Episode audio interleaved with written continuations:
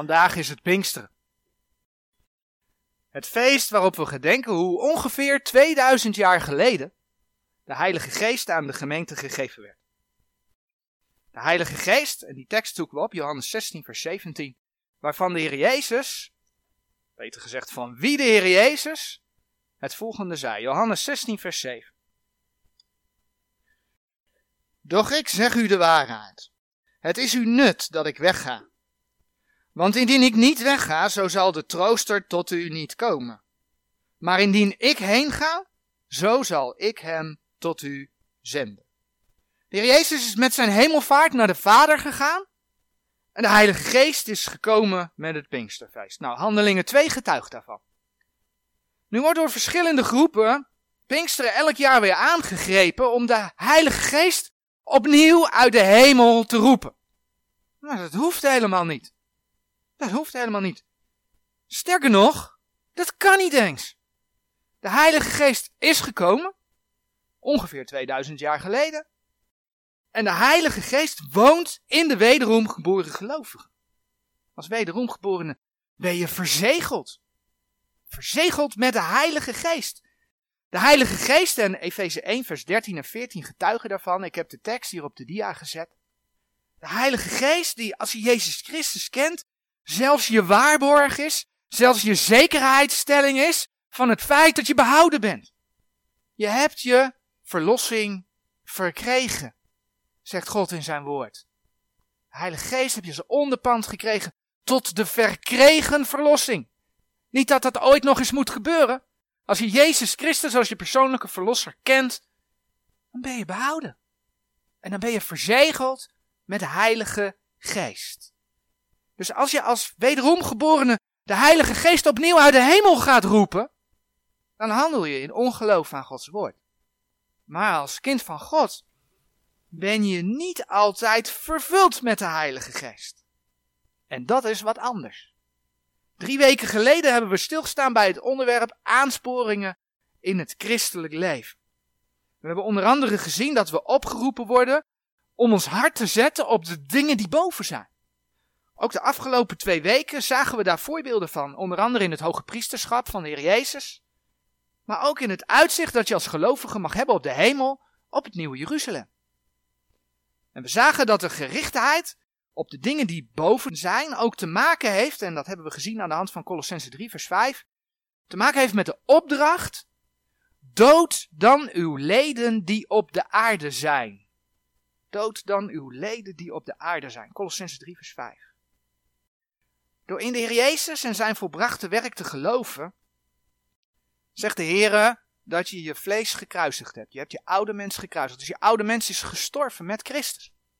En ben je met de Heer Jezus in nieuwheid des levens opgestaan. Een mooie tekst die daarover gaat is 2 Korinthe 5 vers 17. 2 Korinthe 5 vers 17. Zo dan, indien iemand in Christus is, als je de Heer Jezus hebt aangenomen, dan ben je in de Heer Jezus gedoopt. Zo dan, indien iemand in Christus is, die is een nieuw schepsel. Het oude is voorbij gegaan, zie het is alles nieuw geworden. Mooi hè? Het is gewoon zo. Je bent nieuw. Je bent een nieuw mens als kind van God. Maar dan komt daar iets bij, want de Bijbel laat nog iets zien. Ondanks dat je een nieuw mens bent, leef je hier op aarde nog steeds in dit lichaam. En in dat lichaam, daar woont dat vlees in. En dat vlees is nog niet vernieuwd. Dat lichaam is nog niet vernieuwd. Je hebt je opstandingslichaam nog niet. Dat is onderhevig aan de zonde. Sterker nog, de Bijbel laat zien dat jouw vlees je verleidt om te zondigen. En daarom is er dus die oproep om uw leden die op de aarde zijn te doden.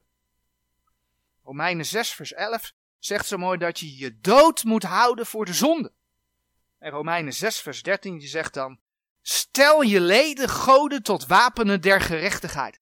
Dus houd je leden, je leden, hè, je handen, je voeten, je ogen, je oren, je mond, daar hebben we net over gezongen. Houd die dood voor de zonde en stel ze goden tot wapenen der gerechtigheid. Ik heb die oude dia, ik vermoed dat die een beetje klein is, maar dat gaat over dat je een positie in Christus hebt En je toestand is nog wel eens anders. En je positie is dat je behouden bent. Je positie is dat je vergeven bent. Maar je toestand is, ik doe fouten, dus ik moet vergeving vragen. Doet niets af aan je behoud. Maar om de relatie met God zuiver te houden, moet ik vergeving vragen als ik zondig. Dat is dus het verschil. De positie in Christus, als kind van God ben je behouden, maar je toestand, ja, is daar niet altijd aan gelijk. En daar gaat dit ook over. Dus je positie in Christus is dat je oude mens met Christus gestorven is en dat je je nieuwe mens aangedaan hebt. Maar je toestand waarin je aangetroffen wordt, is daaraan niet altijd gelijk. En daarom roept de Heer je op, ook in het dagelijks leven. En dat hebben we in die dienst over de aansporing in het christelijk leven, hebben we daarbij stilgestaan.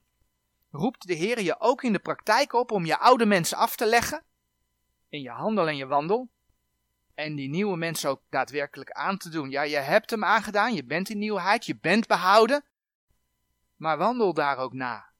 Doe die nieuwe mens aan in je wandel. Ja, en dat heeft dan te maken met keuzes. Dat heeft te maken met keuzes. Ja, we mogen, als we fouten gemaakt hebben, en dat beleden hebben, mogen we de Heer vragen, Heer, vervul ons opnieuw met uw geest. Hoe moet je dat nou zien? Dat betekent niet dat de Heilige Geest opnieuw uitgestort wordt, want je bent verzegeld met de Heilige Geest. Maar op het moment dat je hem bedroeft en uitblust, ben je niet meer vol van hem. Mag je de Heer vragen, vervul mij met uw geest. Efeze 5 vers 18, Lucas 11 vers 13. En de keuzes die je in je leven maakt, en dan bladeren we naar Efeze 4, die hebben daar invloed op. Efeze 4 vers 30 spreekt enerzijds over de geloofszekerheid voor het lid van het lichaam van de Heer Jezus. Maar anderzijds zit er ook een waarschuwing in het vers. Efeze 4 vers 30. En dat vers dat zegt, en bedroeft de Heilige Geest Gods niet, door welke gij verzegeld zijt tot de dag der verlossing.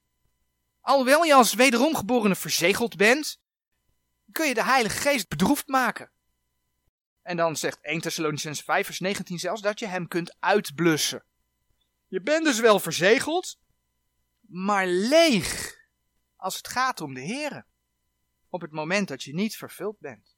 Nou, zonde en de Here gaan niet samen.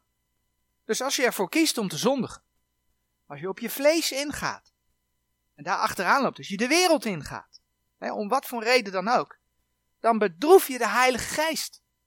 Dan bedroef je de Heilige Geest en dan heb je het nodig om opnieuw met Hem vervuld te worden. Als je je vlees voor dood houdt, wat onder andere Romeinen 6 vers 11 zegt, en leeft tot eer van de Here, dan helpt dat dus om vervuld te zijn met Hem. Je wandel heeft daar dus grote invloed op. En opnieuw zien we dan vanuit een andere invalshoek het belang van de oproep om je hart te zetten op de dingen die boven zijn. Wat we gezien hebben aan de hand van Colossens 3 vers 2. Laten we twee versen lezen uit Galaten. Galaten 5 vers 16 en 17. Een paar bladzijden terug. Galaten 5 vers 16 en 17. En ik zeg, wandelt door de geest en volbrengt de begeerlijkheid des vleeses niet. Dat is een opdracht aan kinderen van God. De brief is geschreven aan de gemeente van Jezus Christus. En ik zeg, wandelt door de geest en volbrengt de begeerlijkheid des vleeses niet. Want het vlees begeert tegen de geest en de geest tegen het vlees. En deze staan tegen elkander, alzo dat gij niet doet hetgeen gij wildet. Die versen gelden dus voor iedereen die in Christus is. Iedereen die de Heer Jezus kent. En omdat het vlees tegen de geest begeert, krijg je dus de opdracht om door de geest te wandelen. Nou, we zijn begonnen met Johannes 16. Hou de hand even bij gelaten, want daar komen we zo nog één keer terug. Maar we zijn begonnen met Johannes 16, vers 7, waarin de Heer Jezus aangaf dat hij de trooster zou zenden. En in datzelfde hoofdstuk, in vers 13 en 14, zegt de Heer Jezus het volgende over de Heilige Geest. Over de trooster. Maar wanneer die zal gekomen zijn, namelijk de geest der waarheid, hij zal u in al de waarheid leiden. Want hij zal van zichzelf niet spreken, maar zo wat hij zal gehoord hebben, zal hij spreken. En de toekomende dingen zal hij u verkondigen. Die zal mij verheerlijken. De Heilige Geest heeft het dus over de Heer Jezus. Hij zal mij verheerlijken. Want hij zal het uit het mijne nemen en zal het u verkondigen. De Heilige Geest wil je door Gods woord in al de waarheid leiden. En verheerlijkt de Heer Jezus. Dat betekent dat Hij je wil helpen in je wandel. Dat Hij je wil helpen in je geloofswandel. En dan lezen we in Galaten 5 vers 25 nog. Indien wij door de geest leven, dus indien je een kind van God bent, indien je wederom geboren bent, indien wij door de geest leven, zo laat ons ook door de geest wandelen. Dus indien je wederom geboren bent, wandel dan ook door de geest. Dat is wat hier door de Heer gezegd wordt. Doe er wat mee. Doe wat met je wedergeboorte. Dat is de opdracht die je krijgt als kind van God. Indien wij door de geest leven, zo laat ons ook door de geest wandelen. We gaan dus niet de Heilige Geest opnieuw van de hemel roepen, maar we gaan de Heere danken. We gaan de Heere danken voor alles wat Hij voor ons gedaan heeft. Dat we door het volbrachte werk van de Heer Jezus Zijn kinderen mogen zijn. Dat we Zijn geest mogen dragen. En dan vragen we vergeving voor de fouten die we maken, voor de zonden die we doen. En dan vragen we of Hij ons opnieuw wil vervullen met Zijn geest. En dan gaan we onder Zijn leiding, aan de hand van Gods woord, wandelen door de geest. Oh ja, oh wat dom. Je valt. Is dat dom? We hebben te maken met ons vlees. De Bijbel laat het zien. Het is de praktijk.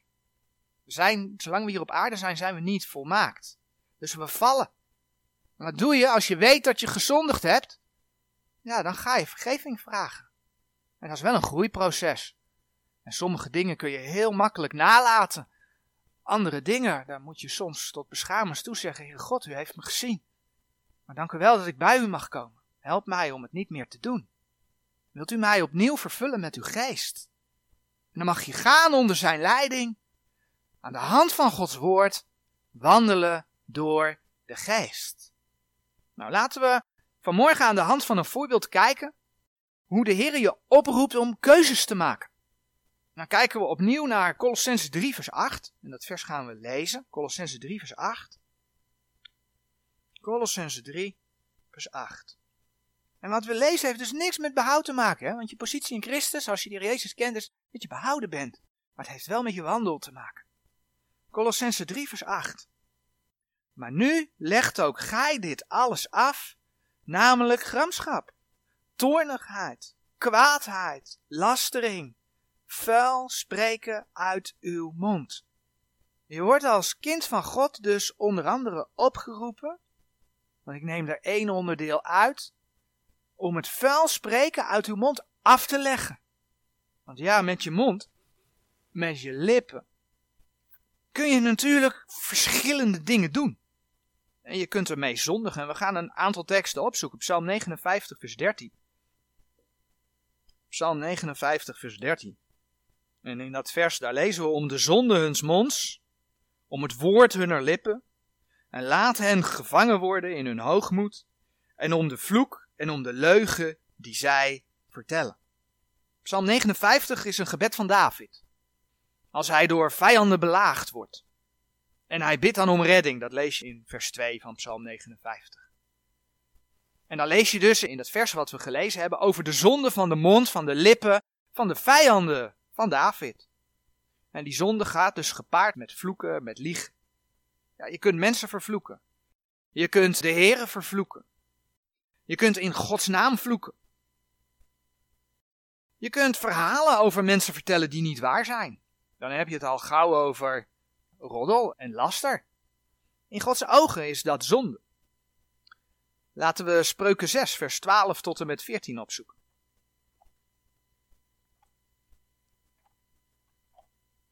Spreuken 6, vanaf vers 12.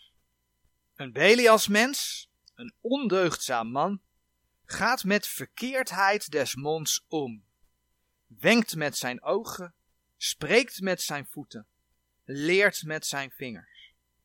In zijn hart zijn verkeerdheden. Hij smeet te alle tijden kwaad, hij werpt twisten in. Een Belials mens, een duivelsmens, een kwaadaardig mens, gaat met verkeerdheid van de mond om, lezen we daar. Nou, in de vervolgversen staat dan dat in zijn hart verkeerdheden zijn. Hij smeet te alle tijden kwaad. Ja, en wat hij dan inwendig smeekt, dat komt er via de mond uit. En kijk dan naar de tijd waarin wij leven. Tegenwoordig maakt het volgens mij niet meer uit of je nou op je werk bent of nog op school. Het gehalte aan grappen, dat nou, zal ongetwijfeld nog wel enigszins verschillen tussen volwassenen, maar wat je af en toe onder jongeren hoort rondgaan. Grappen gaan veelal over relaties, over seks. En meestal gaat het dan om iets wat ja, te maken heeft met ontrouw. Eigenlijk alles als je Gods woord leest, waar de Heer God een gruwel aan heeft. Men maakt er gekkenij van, men lacht erom. Dat kom je ook tegen in Efeze 5, vers 3 en 4. Denk aan de zogenaamde schuine mop of schuine praat, hè? dubbelzinnig woordgebruik met seksuele bijbetekenis, obscene taalgebruik. Men bedenkt die verkeerdheden in het hart en dat komt er via de mond uit. En ik noemde het al even, maar met je lippen, met je mond, kun je ook vloeken. De naam van de Heer God verkeerd gebruiken. En dan zoeken we Exodus 20, vers 7 op. Exodus 20, vers 7. Waar we lezen: Gij zult de naam des Heeren uw Gods niet ijdelijk gebruiken, want de Heere zal niet onschuldig houden die zijn naam ijdelijk gebruikt. Nu lezen we hier eigenlijk direct al wat de Heer ervan vindt als je zijn naam ijdel gebruikt, maar het gaat me nu even niet zozeer daarom, maar even om het feit wat het is. Ijdel staat voor leeg. Ijdel staat voor zonder reden. Denk aan de goddeloze die in deze wereld Gods naam regelmatig gebruikt, de naam van de Heer Jezus ook regelmatig gebruikt, zonder dat hij of zij over de Heer Jezus of over God nadenkt. En daarmee bezig is en daar meer van wil weten. En dan onder andere door te schelden en te vloeken. Overigens, met veel vloeken vervloeken mensen eigenlijk zichzelf. Ik ga het niet uitspreken, maar ik denk dat we het wel kennen, hè? GVD, de afkorting dan. Daarmee vraag je de Heer om jezelf te verdoemen. Dan is er nog een hele andere manier om de naam van de Heere God ijdel te gebruiken. En dat is door zijn naam in een eed te gebruiken. Door te zweren en vervolgens de eed niet te houden. Je kunt daarvoor kijken in Leviticus 19 vers 12, in Matthäus 5 vers 33 tot en met 37. Daar staat dat als je die eed niet houdt, dat je de naam van de Heere ontheiligt. Dat zijn zomaar enkele voorbeelden. Enkele voorbeelden van, van zonde die je kunt begaan met je mond. En daarvan is vuil spreken over dingen, vuil spreken over mensen, vuil spreken over de Heere, dus een onderdeel. Maar je mond, je tong, je lippen, kun je ook op een andere manier gebruiken. En dan bladeren we naar Handelingen 15. Je kunt je lippen gebruiken om over Gods woord te vertellen, bijvoorbeeld. Handelingen 15, vers 7. Daar lezen we hoe Petrus over Gods woord spreekt. Handelingen 15, vers 7. En als daarover grote twisting geschiedde, stond Petrus op en zeide tot hen: Mannen, broeders, gij weet dat God van over lange tijd onder ons mij verkoeren heeft, dat de heidenen door mijn mond het woord des evangelie zouden horen en geloven. Petrus mocht dus met zijn mond over de boodschap vertellen. En wat daar heel dichtbij ligt, is natuurlijk het getuigen. Psalm 40, vers 10. Psalm 40, vers 10. Maar we lezen, ik boodschap de gerechtigheid in de grote gemeente. Zie mijn lippen bedwing ik niet. Heere, gij weet het. Nu gaat dit in de context profetisch over de Heer Jezus. Maar het blijft ook letterlijk een psalm van David. Hij nam zich voor zijn lippen niet te bedwingen en over de Heer te vertellen. Nou, zo is het mogelijk. Dus natuurlijk psalm, hè, Oude Testament, maar zo is het mogelijk om over de Heer Jezus te vertellen. Laten we naar Psalm 17, Psalm 17, vers 1. Je kunt je lippen ook gebruiken om te bidden. Psalm 17, vers 1. Heere, hoor de gerechtigheid, merk op mijn geschrei, neem ter oren mijn gebed met onbedrieglijke lippen gesproken. Bidden. Dat kun je ook doen. Nou, wat kun je nog meer doen met je lippen? Psalm 109, vers 30. De Heere loven en prijzen. Psalm 109, vers 30. Ik zal de Heere met mijn mond zeer loven. En in het midden van velen zal ik hem prijzen. Dus nog wat wat je met je lippen kunt doen. En dat is bijvoorbeeld anderen bemoedigen en opbouwen. 2 Korinthe 12 vers 19. 2 Korinthe 12 vers 19. Meent gij wederom dat wij ons bij u verontschuldigen? Wij spreken in de tegenwoordigheid Gods in Christus. En dit alles, geliefde, tot uw stichting. Tot opbouw. Dat zijn zomaar enkele voorbeelden. Waarbij je dus ziet dat je je lippen ook anders kunt gebruiken. Nou, en welke groep hoort bij de oude mens? En welke groep hoort bij de nieuwe mens? Dat mag duidelijk zijn. En de Heer zegt dus in Colossense 3, vers 8: Maar nu legt ook gij dit alles af, waaronder vuil spreken uit uw mond. In Efeze 4, vers 29, daar lezen we eigenlijk hetzelfde. Maar dat vers plaatste ook nog iets tegenover het legt af, het vuil spreken uit uw mond. En dan gezien vanuit de nieuwe mens, Efeze 4, vers 29. Geen vuile reden ga uit uw mond, maar zo er enige goede reden is, tot nuttige stichting, opdat zij genade geven dien die ze horen. En in welke context staat dat? Efeze 4 vers 30. En bedroeft de heilige geest gods niet, door welke gij verzegeld zijt tot de dag der verlossing. Dus het ene moeten we afleggen, het ene moeten we afleggen, het andere moeten we aandoen. En nee, dat is niet iets wat bij je bekering automatisch gebeurd is. Dan waren we allemaal voorbeeldige kinderen van God geweest in onze dagelijkse wandel. Maakten we nooit meer fouten. Je positie in Christus is er. Je bent behouden, je bent een kind van God. Maar je toestand, dat is een keus iedere keer weer. We leven in dat vleeselijke lichaam dat je verleidt tot zonde. En ja, daarom worden we dus onder andere opgeroepen om dat vuilspreken af te leggen.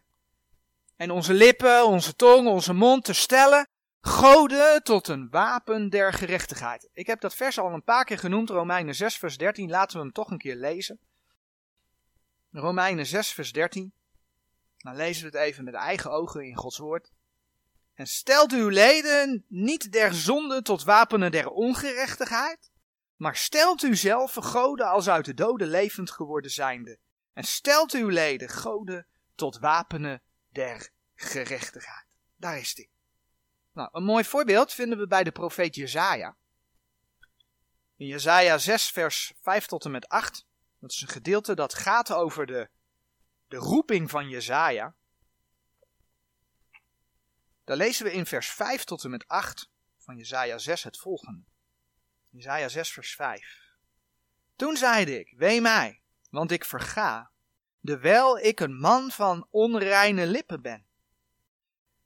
En ik woon in het midden van een volk dat onrein van lippen is. Want mijn ogen hebben de koning, de heren der heerscharen gezien. Maar een van de serafs vloog tot mij en had een gloeiende kool in zijn hand, die hij met de tang van het altaar genomen had. En hij roerde mijn mond daarmede aan en zeide, zie deze heeft uw lippen aangeroerd, alzo is uw misdaad van u geweken en uw zonde is verzoend. Vers 8 nog, daarna hoorde ik de stem des Heren, de welke zeide, Wien zal ik zenden en wie zal voor ons heen gaan? Toen zeide ik, zie hier ben ik, zend mij heen. De mens van nature is onrein van lippen. Dat was toen zo, dat is nu nog steeds zo. Maar in het Oude Testament was er geen wedergeboorte. Dat was er toen nog niet. En dan zien we dus hoe de Heer hier zo, in dit voorbeeld met een gloeiende kool van het altaar, de zonde van Jezaja verzoende. Want dat staat in de tekst geschreven. Maar ondertussen is de Heer Jezus voor onze zonde gestorven en opgestaan. Dus onze zonden hoeven niet op die manier verzoend te worden. Dat heeft de Heer Jezus voor ons weggedragen. Als je kind van God bent, mag je dat weten. Wij zijn verzoend met God. Dus wij mogen met onze lippen van Hem spreken. Wij mogen met onze lippen tot Hem spreken. Maar dat vraagt dus iedere dag keuzes. Volg ik de wereld? Volg ik mijn vlees? Of volg ik de Heer en zijn woord? Laten we naar Efeze 4 bladeren. Want onlangs, naar aanleiding van de boodschap over de aansporing in het christelijk leven, hoorde ik een opmerking over Efeze 4, vers 22 tot en met 24. Die teksten gaan over het feit, over de toestand van de gelovigen, dat je je oude mens moet afleggen, je nieuwe mens moet aandoen. En dan staat het afleggen van de oude mens, staat in vers 22 beschreven van Efeze 4. te weten dat gij zou afleggen aangaande de vorige gewandelde oude mens. En in Efeze 4 vers 24 staat dan beschreven dat je de nieuwe mens moet aandoen. En de nieuwe mens aandoen die naar God geschapen is in ware rechtvaardigheid en heiligheid. En dan zegt het vers wat ertussen staat, vers 23 zegt het volgende. En dat gij zoudt vernieuwd worden in de geest uws gemoeds. En toen werd mij verteld dat dat een extra stap zou zijn. Die je van de Heer zou moeten krijgen om dan in nieuwheid van leven te kunnen wandelen. Maar dat is geen extra stap. Er staat niet daarna. Eerst dit en eerst dat. Maar er staat en. Het hoort bij elkaar. Het hoort zowel bij het afleggen van de oude mens als bij het aandoen van de nieuwe mens. In je hart, hè, waar je geest zich bevindt, niet je fysieke hart, maar je binnenste, waar je geest zich bevindt, daar worden beslissingen gemaakt. En als je wederom geboren bent, dan word je dus opgeroepen om niet wereldgelijkvormig te zijn, Romeinen 12 vers 2. Om je hart te zetten op de dingen die boven zijn, Colossense 3 vers 2. Ja, en dat vereist in confrontatie met je vlees elke dag keuzes. Sterker nog, dat vereist elk moment keuzes. Want op het moment dat er iets op je afkomt, hoe ga je daarmee om? Wat zeg je daarop? Hoe gebruik je je lippen? En die keuzes, die neem je in je hart. Je geest speelt daar een rol bij. En als je dan de keuzes op grond van Gods woord maakt, dan leg je dus de oude mens af en doe je in de praktijk de nieuwe mens aan. Je legt vuilspreken af. Je doet Gods opdracht om je lippen te gebruiken als wapenen der gerechtigheid, doe je aan. Daar kies je voor. Een wilsbeslissing. En dan ga je niet wachten totdat de Heer nog iets extra's gaat doen in je leven. Want ik kan je vertellen, dan gebeurt er helemaal niets. En niet dat de Heer niet iets kan doen. Tuurlijk, de Heer kan dat. Maar het punt is dat hij het niet doet. Want het is jouw wilsbeslissing of je de Heer volgt of niet. Het woord werkt als je het woord aanneemt. Ja, op een gegeven moment kan de Heer je tuchtigen. Als je als onwillig kind hem niet volgt. Dat klopt. Maar als je gaat wachten tot de Heer nog weer iets groots gaat doen, nou dan ga je nooit voor hem wandelen. Want dat vlees wil dat niet. Dus blijf je zitten waar je zit. En ga je misschien zelfs wel steeds meer zondigen, want dat vlees van nature voelt dat goed voor de mens. Het feit is dat je bent opgestaan uit de dood, dus zegt de Heer, lever dan ook na. zoals Galaten 5 vers 25 zegt, indien wij door de geest leven, zo laat ons dan ook door de geest wandelen. Nou, wat zijn dan dingen die de Heer in zijn woord aanreikt om op onze woorden te passen? Het begint heel simpel, opnieuw want ja, dat zeg ik wel vaker in een boodschap. Bij het feit vul je rijkelijk met Gods woord. Dat is Colossense 3, vers 16. En als je dat bidden doet, dan zal de Heer je leiden. Dan leidt de Heer je op zijn weg. Dan laat hij je door zijn woord, door de leiding van de geest, bij het lezen van zijn woord, zien wat je af moet leggen en wat je aan moet doen.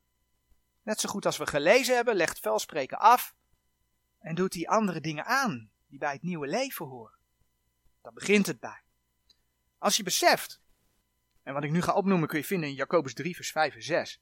Maar wanneer je beseft dat je tong, daar komt die, schrik niet, ik denk dat de meesten het wel kennen, een klein lid genoemd wordt, een klein vuur dat een grote hoop hout aansteekt, maar ook een wereld der ongerechtigheid dat het gehele lichaam besmet, zijn niet mijn woorden. Je kunt het vinden in Jacobus 3, vers 5 en 6. En dan staat er ook nog bij, en ontstoken wordt door de hel. Als je dat beseft. Als je dan ook nog beseft dat de Heere ziet, hij is almachtig, hij is alwetend, wat er uit jouw lippen uitgaat. Een mooi voorbeeld vind je in Jeremia 17, vers 16. En dat hij mensen ook nog rekenschap laat geven van elk ijdel woord dat ze gesproken hebben. Matthäus 12, vers 36 en 37. Als je dat allemaal beseft. Poeh, God zegt nogal wat over de tong. Dan weet je dat je heel voorzichtig moet zijn met dat ding. En daarom moet je er eigenlijk goed over nadenken voor je wat zegt. En je kent dat denk ik wel. Dat je voordat je het weet. Ik bedoel, zo af en toe denk ik wel, oh nee. Voordat je het weet iets gezegd hebt, dat je denkt van nou, dat was niet zo handig. Of heren, vergeef me maar, dat had ik zo nooit mogen zeggen. Zo snel gaat dat. En een mooie tekst die daarbij hoort, en die zoeken we op, dat is Prediker 5 vers 1 en 2.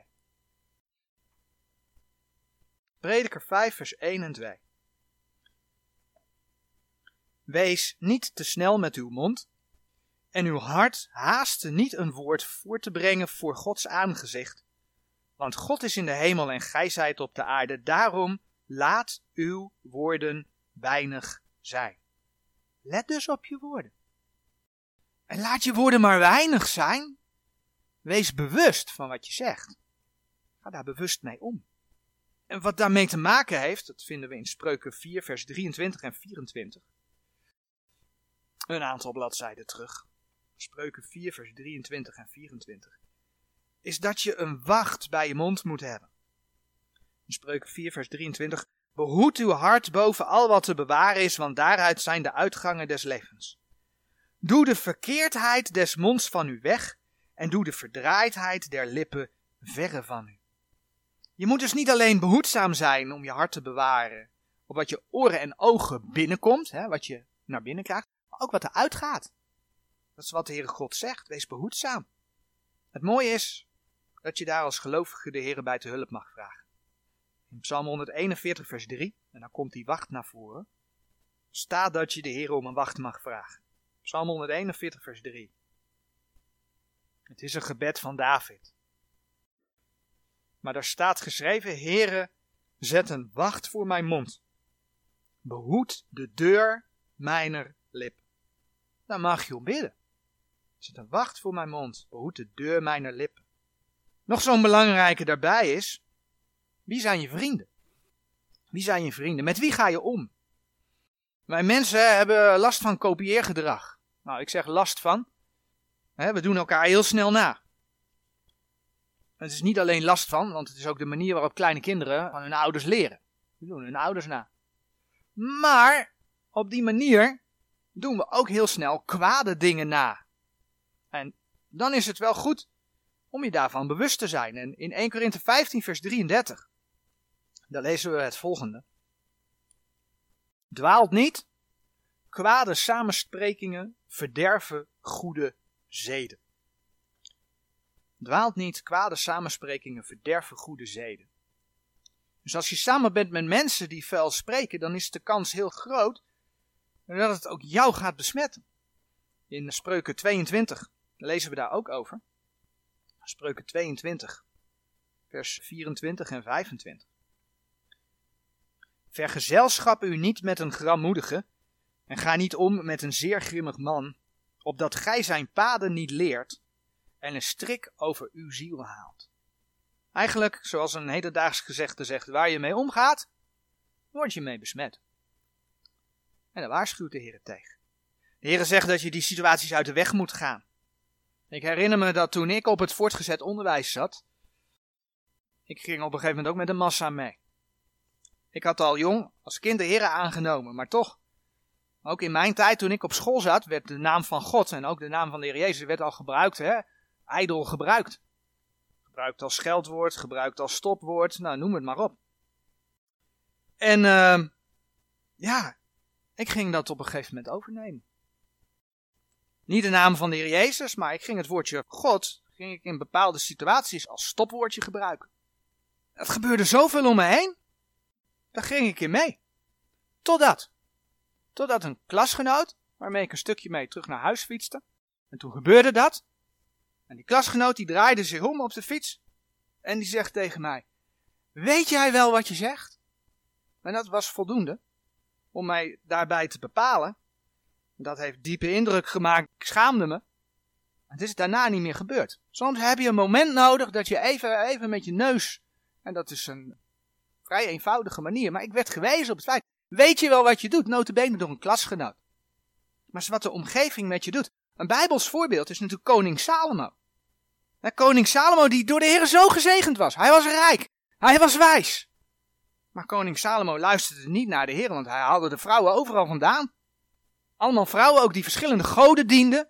Nou, als je dan in 1 Koningen 11 vers 4 leest, dan lees je dat Salomo de afgoden ging vereren. Hij ging de, de goden van zijn vrouwen ging die na. En zo zie je wat voor een invloed de omgeving heeft. Als je het wil opzoeken, 1 Koningen 11 vers 4. Dus weet wie je vrienden zijn. Weet wat je doet. Als je je laat omringen door mensen die roddelen of lasteren, door mensen die de naam van de Heere ijdel gebruiken, door mensen die vuil spreken. Die vuil spreken uit hun mond. En ik besef, je kunt niet alle situaties voor zijn. Want ja, je moet naar je werk. En je moet naar school. Maar je laat je wel omringen door mensen. Hè, school en werk, daar kun je niet omheen. Maar je gaat wel vriendschappen aan. Je gaat wel gesprekken. Wie zoek jij op? Met wie lach je mee? De Heer waarschuwt. Vergezelschap je er niet mee. Matthäus 5 vers 37. Dat vers zoeken we ook nog op. Matthäus 5 vers 37. Daar lezen we dat we betrouwbaar moeten zijn. Matthäus 5 vers 37. Maar laat zijn uw woord ja, ja, nee, nee. Wat boven deze is, dat is uit de boze. Dat staat in de context van het zweren. Maar laat uw woord ja, ja zijn en nee, nee. Dat geeft dus ook aan, doe wat je zegt. Wees betrouwbaar. Geen loze dingen zeggen. Als je iets belooft, kom je dat dan ook na. Nou, betekent dan dat alles, betekent dat alles dan dat je altijd maar aardig moet overkomen? Nee. Weet je, je moet gewoon de waarheid spreken. In Colossense 4 vers 6, daar lezen we het volgende over het feit dat we de waarheid moeten spreken. En ja, die waarheid die kan dan wel eens prikken. Colossense 4 vers 6. Uw woord zij alle tijd in aangenaamheid. Als je dat alleen zou hebben, dan zou je denken, nou, dat betekent dus dat ik altijd iets aardigs moet zeggen tegen iemand. Uw woord zij alle tijd in aangenaamheid met zout besprengd, opdat gij moogt weten hoe gij in iegelijk moet antwoorden. Maar dat tweede stukje, met zout besprengd. Heb je wel eens zout in een open wond gegooid? Dan weet je dat dat bijt. Dan weet je dat dat prikt. Dus als het om de waarheid gaat, dan mag je dat gewoon vertellen. En ja, dan kan de waarheid kan aankomen. De waarheid kan prikkelen. Dat is geen zonde. Want je vertelt de waarheid. Maar legt vuil spreken uit uw mond af. Ik wil afsluiten met het voorbeeld van de Emmausgangers. Ik denk dat we de geschiedenis allemaal kennen uit Lucas 24. Dat er twee discipelen op weg zijn naar Emmaus. Zij spraken samen over alles wat er met de Heer Jezus gebeurd was, maar ze begrepen er niets van. Ook niet toen de Jezus bij hen kwam lopen en het ze allemaal aan de hand van de schrift uitlegde. Totdat hij uiteindelijk bij hen thuis kwam en daar het brood brak. Toen hadden ze op een gegeven moment door dat het de Heer Jezus betrof en toen was hij uit hun midden weg. Dat is Lucas 24, vers 31. Maar waar het mij even om gaat is, ze waren daar met elkaar aan het spreken en de Heer Jezus komt bij hen lopen. Nou, wij weten dat de Heer God alles ziet. Hij is overal, hij is alomtegenwoordig. Hij weet alles, alwetend. Maar er komt een moment dat de Heer gaat ingrijpen in de geschiedenis. En dat moment is naderbij dan ooit, dat de Heer ons komt halen. En hoe wil je hem dan ontmoeten? Wil je hem ontmoeten meedoend met de wereld? Zo je mond gebruikend? Of wil je hem ontmoeten? Terwijl je je mond, je lippen gebruikt, je tong, als wapen der gerechtigheid. Amen.